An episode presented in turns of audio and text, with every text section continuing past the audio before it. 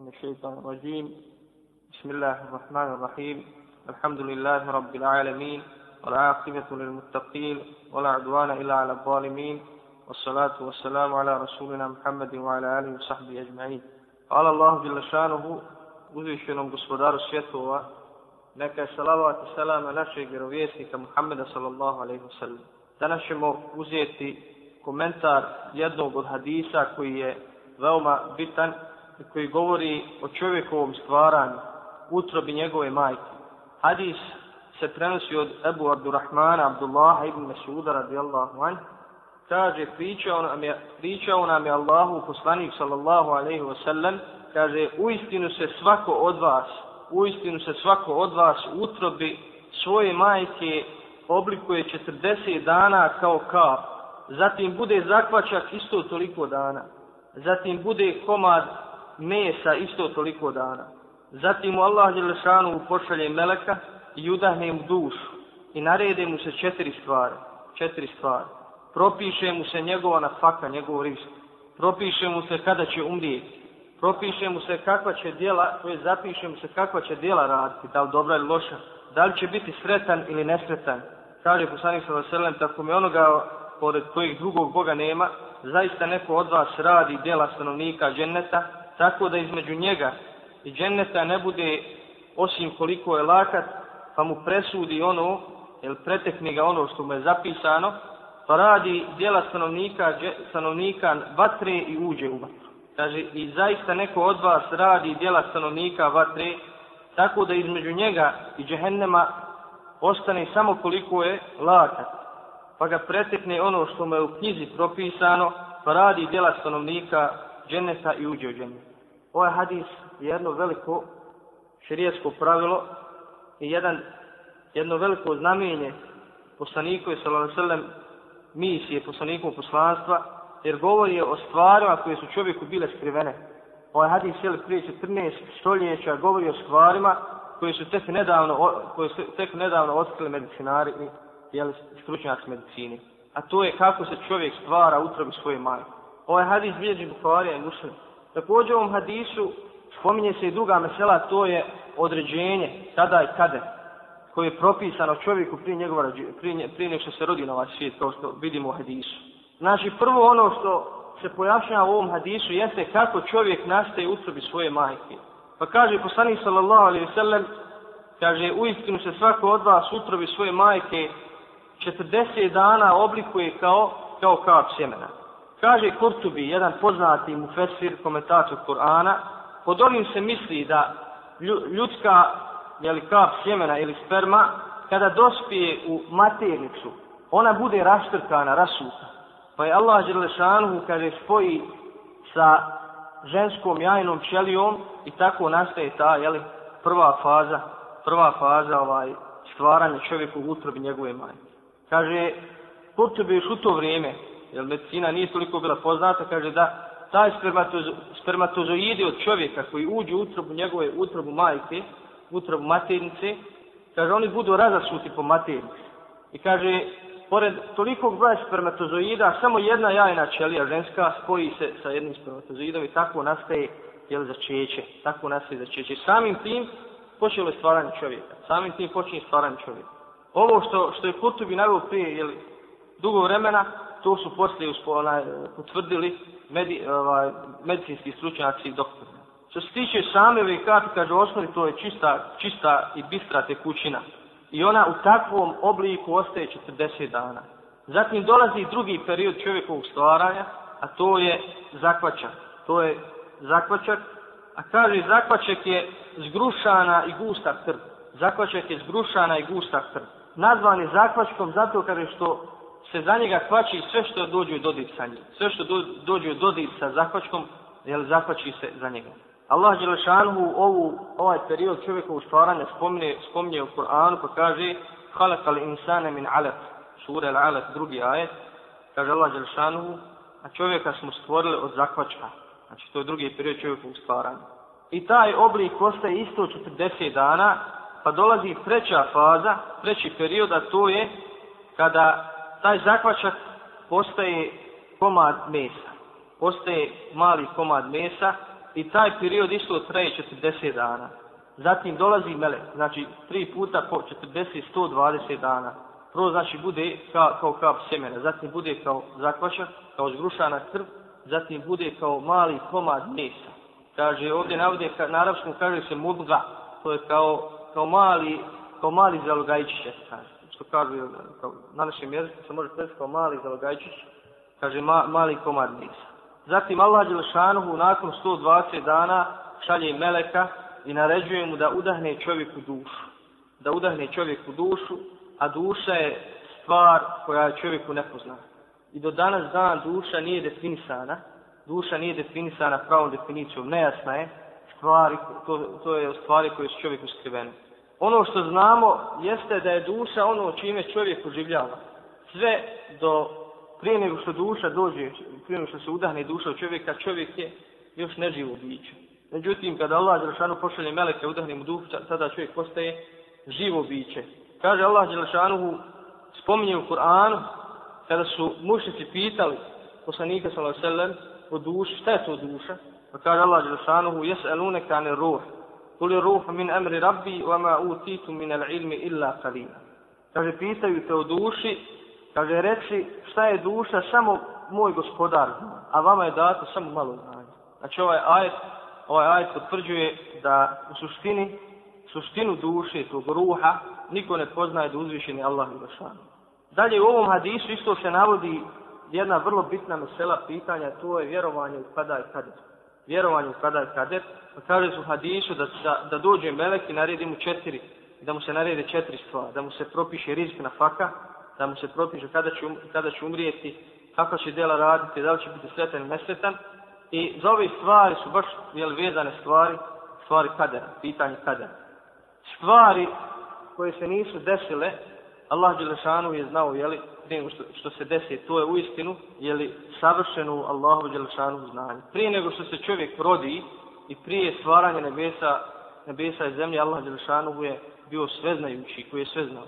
Znači, prema tome, na osnovu tog savršenog znanja, Allah Đelešanu je čovjeku još prije njegovog rađanja propisao ove stvari koje smo nabrali. Propisao mu je risk na faktu kakva će on biti, propisao mu je eđel, kada će umrijeti, to je stvar koja je nepromjenjiva, propisao mu je djela, e, kakva će djela da dobra ili loša. To ne znači da je čovjek prisiljen, nego Allah Žešanu iz svog savršenog znanja znao je kakav će rob biti, pa mu je tako zapisao, jeli, nje, u levenim akuziju njegovim, jeli. I četvrta stvar, da li će biti sretan ili nesretan. Ne, ne, navodim se ovom znači. Ne, ne, ne. Rizik, smrt, djela i da li će biti sretan ili nesretan. Četvrta stvar. Tako se, tako se, jeli, tim redu se domidu. Znači Allah Đelšanhu zna unaprije šta će se desiti. I zna ono zašto se nije desilo, kada bi se desilo kako bi bilo. To je savršeno Allahu Đelšanhu znanje. Znači ono što se nije desilo, Allah Đelšanhu zna kada bi se desilo kako bi se desilo. Također Allah Đelšanhu zna e, kako će čovjek na svaku rist imati na ovom dunjalu, pa mu je propiše, jel, kao takvu. I čovjek neće napustiti ovaj dunjalu sve dok ne potreši svoj na faktu. Sve dok ne potreši svoj na faktu. Međutim, danas vidimo da se mnogi ljudi plaše za svoju nafaku, za svoj rizik. Da srljaju za njom, ne znajući da je Allah Đelešanu to propisao i ne znajući da ne mogu postići osim ono što im je propisano. Čovjek mu, mora da uradi od sebe nešto da bi postigao nafaku. To, je, to su uzroci, jel? kojima se posliđuje na faka, ali ne može više od onoga što Allah Đelešanu propisao. Zato prema tome čovjek e, traženje na fakti ne smije biti čovjeku razlog da ostavi svoju vjeru. Ne smije biti čovjeku razlog da, da, ovaj, da mu dunjalu postane drago ne smije biti čovjek u razlog da popusti u svojoj vjeri. Jer Allah je lišanu mu već odredio. Znači na račun vjere zaista čovjek ne smije da, da zarađuje na fakt. Također Allah je lišanu mu na osnovu čovjekovi dijela. Allah je lišanu zna kako će čovjek da činiti, dobra ili loša, odredio me da li će biti sretan ili nesretan. Ovo Allahu Đelšanu u savršeno znanje ne daje čovjeku ili opravdanje da kaže ja sam prisiljen, meni je ovako određeno, meni je ovako određeno da ovaj, da radim, tako me Allah odredio, ja, ja sam pijen, ja sam pokvaran, Allah me tako odredio. Izvlači se, znači, traže opravdanje od Allah odredio, međutim, jeli sami, sami sebe, jel, bacaju u propas na taj način.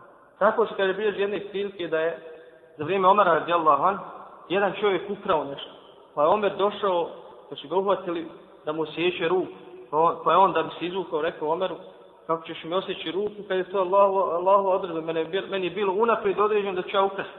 Kaže, Omer, gdje su tvoje Allahova odredba? Kaže, ali kaže, imen je određen da sebi sjećam gubu. Znači, mnogi drugi kuranski ajati, hadisi, upućuju da čovjek ima slobodu volje kada u pitanju, kada u pitanju izbor, izbor zla ili izbor dobra, izbor pravog puta iz sramci. Sam čovjek to u sebi svaki priznaje, da nije niko prisiljen da bude na pravom putu na zabu. Međutim, Allah Đelešanu, koji smo rekli svog savršenog znanja, znao je kakav će čovjek. Pa ovaj pisao te stvari. Drugo što je bitno jeste da su djela po završnici. Da se djela vrednuju po završnici. Djela koja čovjek radi na dunjalku moraju biti u skladu sa Kur'anom i sa sunnetom. Također moraju biti u skladu s onim što je čovjeku propisano. Moraju biti u skladu s onim što je čovjeku propisano. Zato ne možemo, ne možemo naći da je čovjeku propisano jedno, da su propisana jedna djela, a da radi, a da radi druga djela. Zato što bi to bilo, jeli, što bi to bila manjkavost neud bila Allahovog znanja.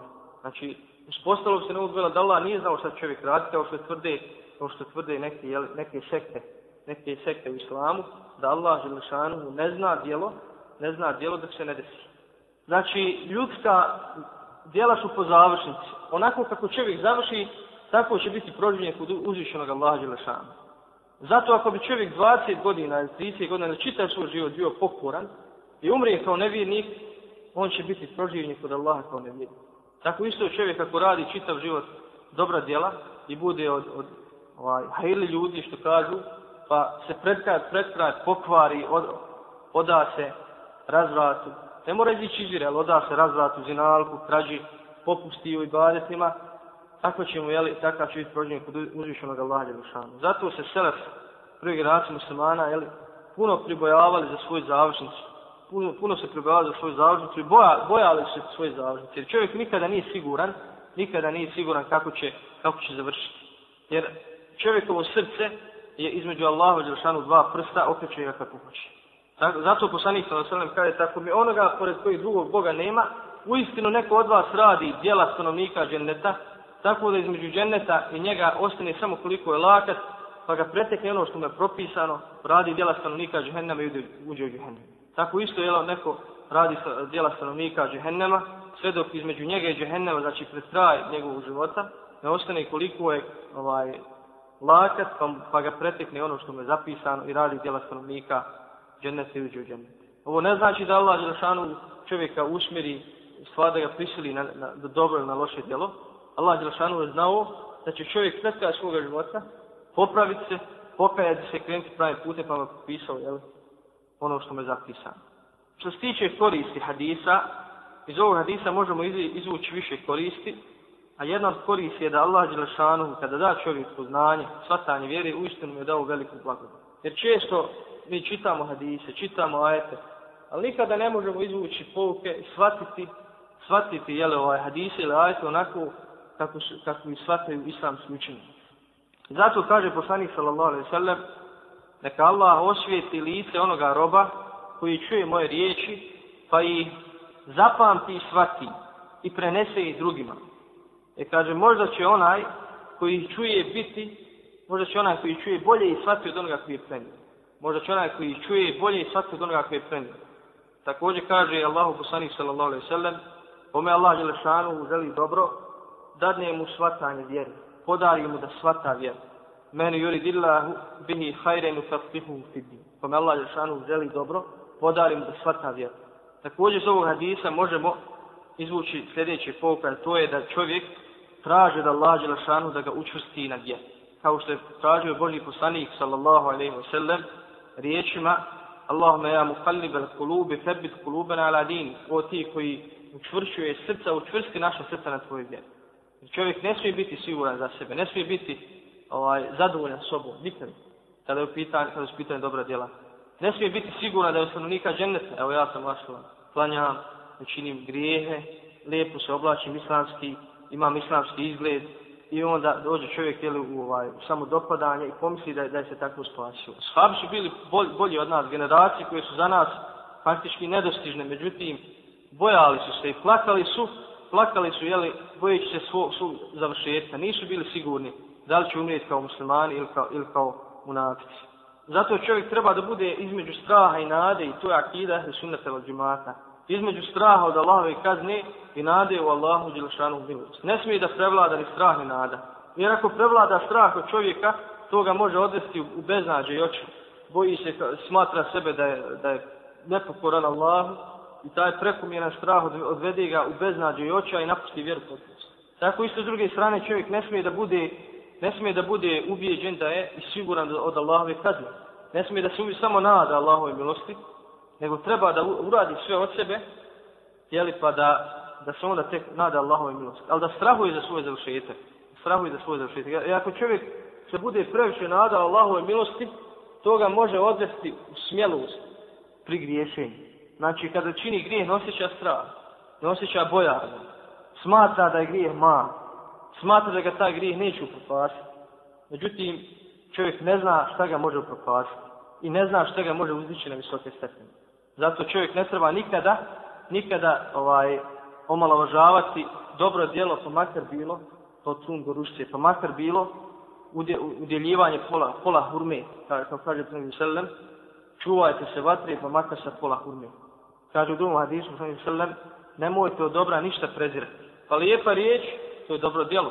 Može da bude uzrokom tvoga spasa i prevagom dobrih djela na danu, na dan kada neće koristiti ništa osim, osim dobra djela.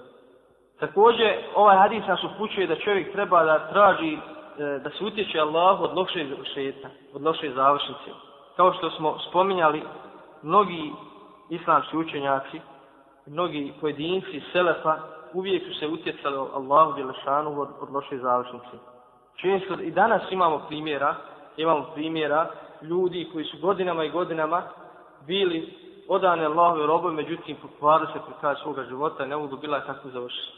Tako završio. Kaže, navodi se jedan primjer, danas će učen, učenjaci to često spominju, mada ima dosta primjera, momaka koji su koristili ljetni raspust, putovali u zapadne zemlje radi zinalka, jer u svojim zemljama ga ne mogu učiniti, javno otvoriti. Pa kaže, otišli su, naravno, u javnu kuću i našli s kim će to obaviti nalog. Kaže, jedan je bio u jednoj sobi, a drugi u drugoj. Ovaj jedan sobi, kaže, čuo je kri, ja kri u drugoj sobi. Kada je utrčao, kaže, našao je onoga kako na, dok, dok je činio zinal, Allah mu zašanu za dušu.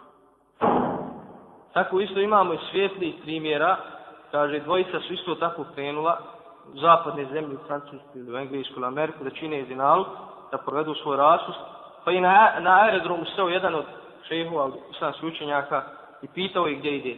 On se rekao, ide malo da se provedemo, idemo da provedemo raspust. Nisu otvoreno rekla da se podrazumijeva šta, šta namiravaju. Pa, im je, pa i on posavjetovao iskreno i rekao im, bolje da promijenite vaš pravac. Umjesto da odijete činite Allahu masije od grijehe, da izazvate Allahu srđbu, kaže, idite tamo gdje ćete izazvati Allahu zadovoljstvo. Bolje vam je da odijete obaviti umru. I, ljudi su se ti momci su jeli, zamislili, zapitali da li je u istinu bolje jel, da trenim ovim putem ili onim koji nam, koji nam predlaže ovaj iskreni savjet. I poslušali su, kaže, otišli su, uzeli su auto, došli jel, na mjesto gdje su oblačili hrame, obukli hrame, krenuli prema, prema neki dobro umu. Put Allah Žešanu dao da su imali savraćajne udes i oba dvojice su poginuli. Što je, je dokaz za lave i milosti. Jer čovjek ne zna, ovo je naj, najbliži primjer kako čovjek najbliži primjer ovog hadisa praktično. Jer oni su završili, krenuli su ka, ka jel, Allahom zadovoljstvu. A mi znamo onaj hadis, ovaj, kada je poslanik selam, to se desilo na hađu, odnosi se na umru isto. Kada, kada je jedan od shaba, kada ga udarila deva i umruje.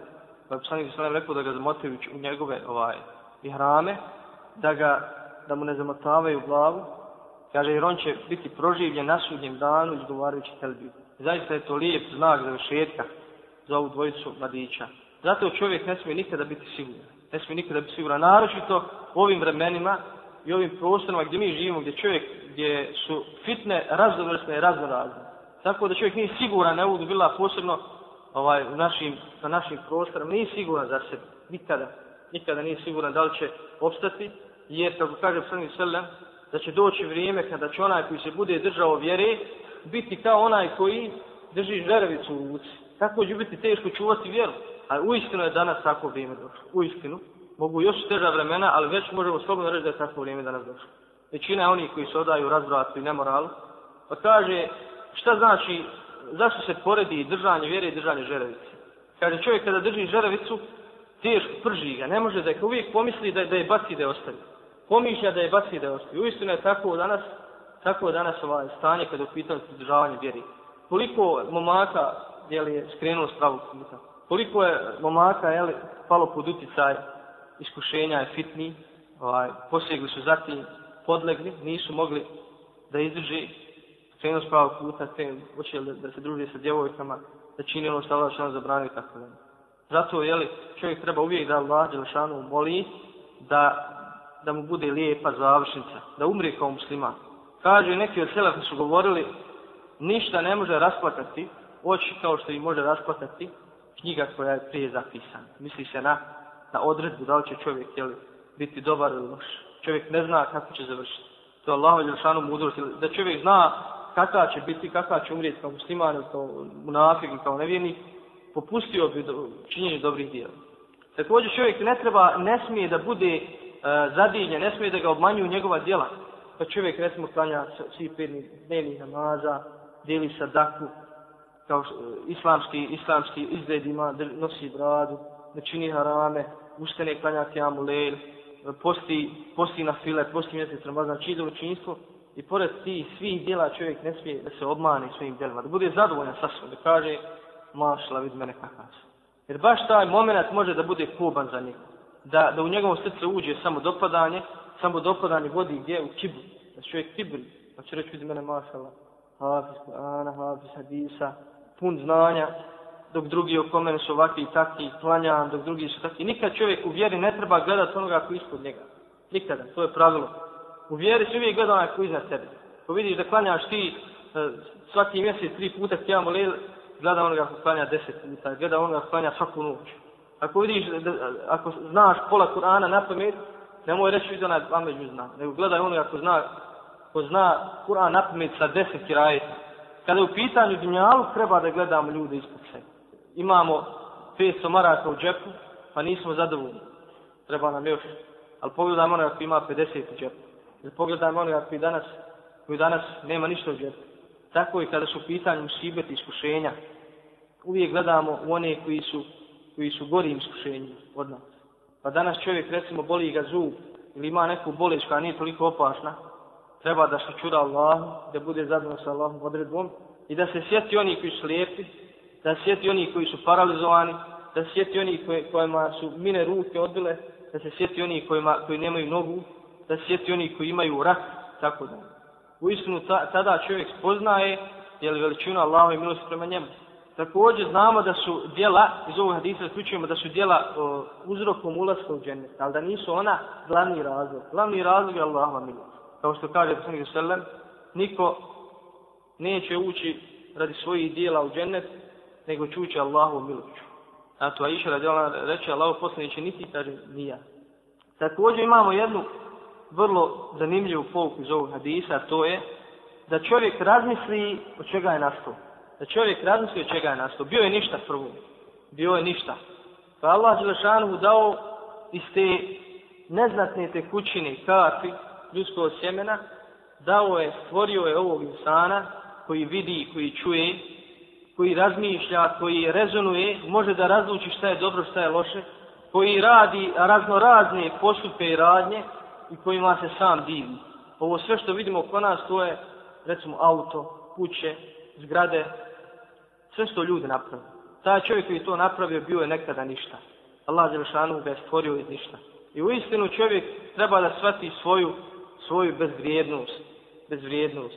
Kako je sebi dopustio da kada je bio ništa, da se suprostavi i da se da bude nepokoran onome koji ga je stvorio iz ničega koji ga je obskrbio, dao mu vazduh da može dihati, dao mu svjetlo sunca da može obskrbu pribavljati dnev, dan, dao mu noć da se odmori, dao mu vid, dao mu vid da, da vidi, dao mu noge da hodi njima, dao mu zdravlje, dao mu jezik da priča, da se sporazumijeva sve što blagodati koje čovjek ne može da nabroji. Kaže Allah Jeršanuhu, وَإِن تَعُدُّ نِعْمَةَ اللَّهِ لَا تُحْسُوهَا إِنَّ الْإِنسَانَ لَظَلُومُ تَقْفَا Kaže, kada bi vi Allahove blagodati brojali, ne bi ih mogli pobrojati. U istinu čovjek ne može pobrojati blagodati. Kada zaista je čovjek, zaista čovjek je nezahvalan. I zaista čovjek nepravi čini. Jer u istinu je zulum veliki da onaj vid koji ti je dao gospodar svjetova, stvaralac koji te stvorio iz ničega, da ga da pogledaš njime haram. To je zulum. Da one uši koje ti Allah žanu dao da čuješ, da pogledaš, da slušaš njima haram. Noge koje ti je dao da njima hodiš, da ideš, da koračaš njima o haram. Jezik koji ti je dao kao blagodat, da se sporazumijeva sa, ljudi, eh, sa ljudima, da, da spominješ Allaha, da učiš Kur'an, zaista je zulum da, da ga iskoristiš u griješenju ogovaranju, gibetu i ružnim riječima. Također čovjek treba da bude smiren kada je u pitanju na faka. Kada je u pitanju faka. Čovjek treba da, ulo, da uloži ovaj, od sebe sve što je dužan da bi postigao na faku, ali treba da bude smiren. Da se ne brine koliko će zaraditi, koliko će postići, nego da će postići samo onoliko koliko mu je određeno. Treba da radi, to ne znači čovjek da spava u kući, ko što danas imamo, znači spava u kući kada pa je na faka propisan. Treba čovjek da radi halal poslove, da, da ne bude zavisan od drugih, da gleda će kod drugih dat para, nego da radi, ali da bude smiren kada je u pitanju na fa. Da je ono što mu je propisano, samo će to dobiti. Ne kao što mnogi rade, jel, prodaju svoju vjeru, prodaju svoje, ovaj, svoj obraz, svoju čast, da bi zaradili na faku i ne, ne priježu, ne, ne, ne, gledaju na koji način će zaraditi, bez obzira bio haram ili halal. Također čovjek treba da shvati iz ovog hadisa da je život u Allahovoj ruci da je čovjek u životu Allahove ruceđule propisan. Čovjek prema tome ne treba da strahuje u smrti. To je ne treba da strahuje od uzroka koji dovode do smrti. Od same smrti nema smetnje da se čovjek boji kao susjeta sa Allahom, da se boji smrti zato što to je susjet sa Allahom jer nema više povrasta. S te strane je pohvala da se čovjek boji smrti, da se čovjek boji prelaska na hiret. Međutim, smrti kao smrt ne treba da se boji jer ona određena unaprijed, Allah je šanu odredio i ne može niko izbići. Dalje čovjek iz ovog hadisa može zaključiti da su dobra i loša djela samo znakovi. Da su to samo znakovi, a da ne znači da čovjek ako, ako čini loša djela da je ostanovnika džennema. Ili ako čini dobra djela, maša da je ostanovnika džennema. Mi samo na osnovu vanjstine rasuđujemo. Međutim, šta je unutra, unutri si, kako će čovjek završiti to, ne znam, to je skriveno znanje koje samo uzviši na vlađa šanu poznanje. Ako pogledamo same etape stvaranja čovjeka, vidjet ćemo da je i tu je li zastupljena Allahova Đelšanu milost. Jer Allah Đelšanu je li mogao da, da, da stvori od jednog čovjeka utrud majke, da odmah bude djeto od devet mjeseci možda. On je kader da se učini, da kaže kun fe kun, budi ono budi. Jer kažu islamski učenjaci da zbog milosti, iz milosti prema majci, Allah Đelšanu je dao, iz milosti prema njoj, prema njenom zdravlju, Allah Đelšanu je dao da se da čovjek nastaje u etapama, da bilo lakše i majci, da to, jeli, ovaj, da izdrži da, da rodi djete. Također islamski učenjaci iz ovog hadisa izvlače jednu, jednu pouku, a to je, ili jedan hukma, a to je da abortus, da je olakšica, to je da se može učiniti abortus, ako djete tu nije jeli, udahnu tru duša, znači do četvrtog mjeseca. Do, sto, do 120 dana neki učenjaci odobravaju da se može učiniti abortus, jer još melek nije udahnu dušu. Međutim, to je ovaj, donekli neispravno mišljenje, jer kako kažu medicinari, medicinski slučajnaci, čim dospije spermatozoid u maternicu, odmah dolazi do oblikovanja čovjeka. Počinje oblikovanje čovjeka. E, to je već čovjek. To je već insan. I samo, jeli, samo, ovaj, samo borca su bilo praktički do neke ubijstva. Ako nema zato, je opravdani razloga. Mi znamo da je abortus dozvoljen nekim slučajima kada prijeti opasnost majci da će umrijeti, kada kada je štetno za nju, tako dalje. Oni koji ne dozvoljavaju ovo, navode jedan hadis koji je poslanik Selem kaže, kada prođe 42 dana, u jednom revatu 40 i nešto dana, od nastanka kapi, kada Allah Zilašanu pošalje meleka, pa oblikuje ga, pa oblikuje tu kap, odmah je oblikuje kao komisana, stvorio je sluh i vid, stvorio je kožu, stvorio je meso i kosti. Znači odmah nakon nakon 42 dana. Allah Žešanu pošalje meleka i to, to je kat sjemena, stvori, oblikuje kao čovjeka, stvori joj sluh, vid, kožu, meso i kosti. Kaže, naučne činjenice su to potvrdile ovi, ovim vremenima da, da je uistinu tako. Dok dođe do spajanja spermatozida i, i ovaj, spermatozoida jajne če, ženske čelije, odmah dolazi do oblikovanja, nakon 42 dana dolazi do oblikovanja čovjeka oni koji dozvoljavaju to uzmeju za dokaz e, da je poslanik sallallahu dozvoljavao ashabima da ne da čine ejakulaciju van ženskog polnog organa. Razumijete? Znači, poslanik sallam, kad su sahabi pitali o tome, dozvolio im. Znači što hoće ti kaže, ali, ali u svaki kapi ne biva, ne biva, jel, djete, ne biva začeće. Također se prenosi od Ibn Omara, kaže, mi smo činili ejakulaciju van van ovaj polnog, ženskog polnog organa, a Kur'an je još objavljivan. To znači da, da je bilo zabranjeno Kur'an, bi došlo se zabranjeno. Znači samo ejakuliranje van, ne radi planiranja, ne radi e, ograničavanja porci, nego radi od, odmaranja žene, radi pravljenja raz, razmaka između djece je dozvoljeno. I to ovi, ovi koji dozvoljavaju abortus prije 120 dana uzme za dokaz ovaj, jel, ovaj hadis ili ovaj, ovaj poslanik sallallahu ovo njegovo odobrenje. Međutim, i to nije ispravno zato što sjeme dok ne uđe u maternicu, ono je samo sjeme. Nije došlo do zakvačka, nije došlo do spajanja spermatozoida i spermatozoida i ženske jajne ćelije dok je vanj. Međutim, kad, kada dođe spermatozoid u maternicu, dolazi do spajanja i već je to počelo stvaranje Također iz ovog hadisa možemo zaključiti da je stvaranje, da je proživljenje hak. Da je proživljenje hak, Jer Allah Đelešanu, kako je stvorio čovjeka iz ničega, nije čovjek ništa bio. Kako ga je stvorio iz ničega, kadar je da ga proživi ponovo, kadar je da ga proživi ponovo na dan proživljenja, kada će se jel, ovaj, odgovarati za svoje djela, kada će se Allah Đelešanu polagati račun.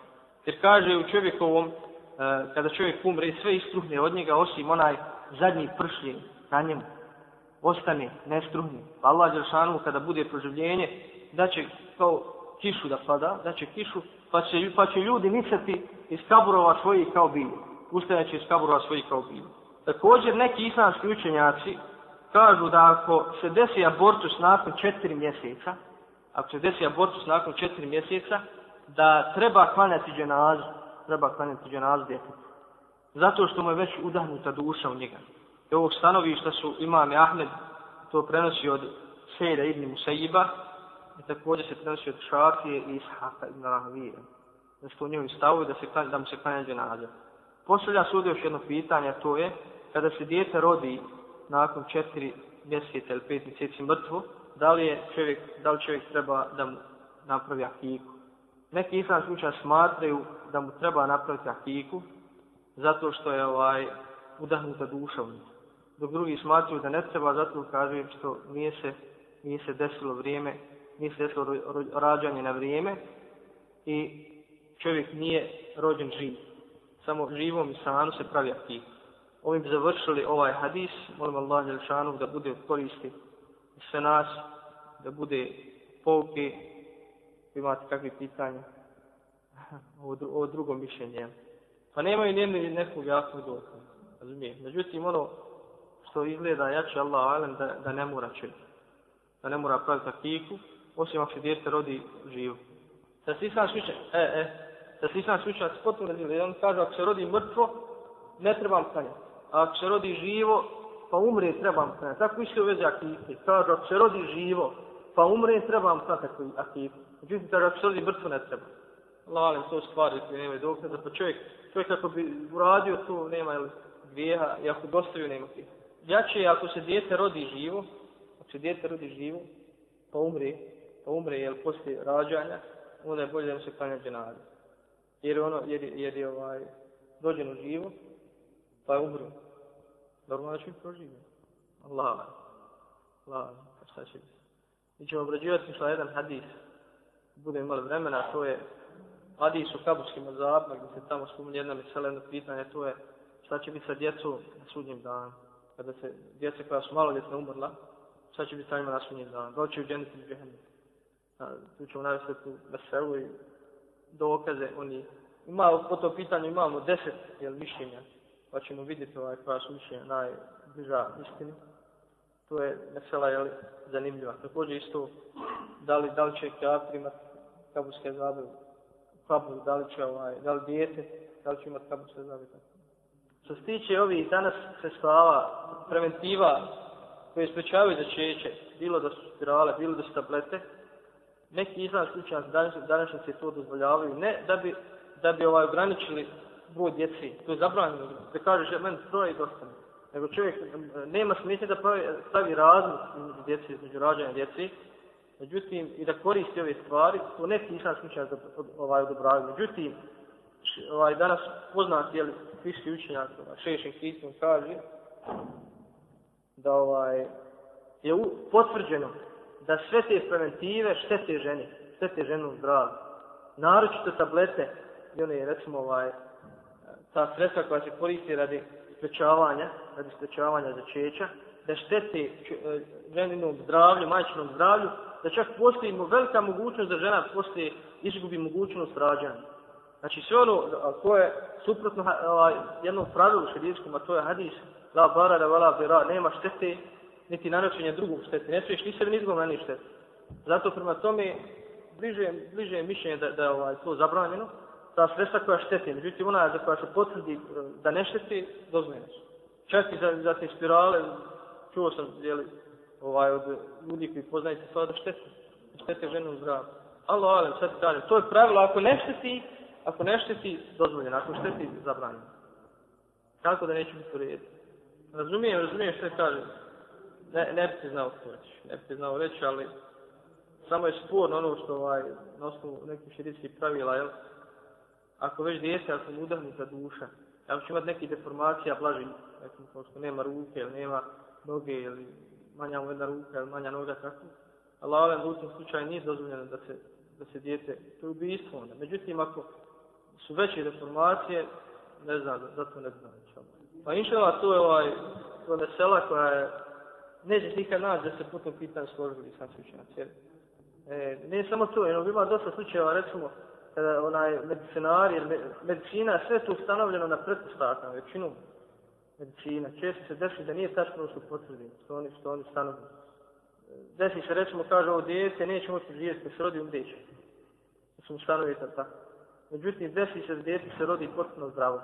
Zato u takvim slučajima, ovaj, ako se radi o specijalisti muslimanu koji je bogobojazan i sigurno zna i koji neće slagat, onda u takvom situaciju, gledam, ako šteti ženi, ovaj, trudnoća, ili ako preti joj spasnost da će umrijeti, šta ja znam, kaže, sam slučan se da zdravi to ako su, ako su ovaj, specijalisti, doktori, muslimani, međutim, danas ne možeš vjerovati, reći se onih kojima možeš vjerovati.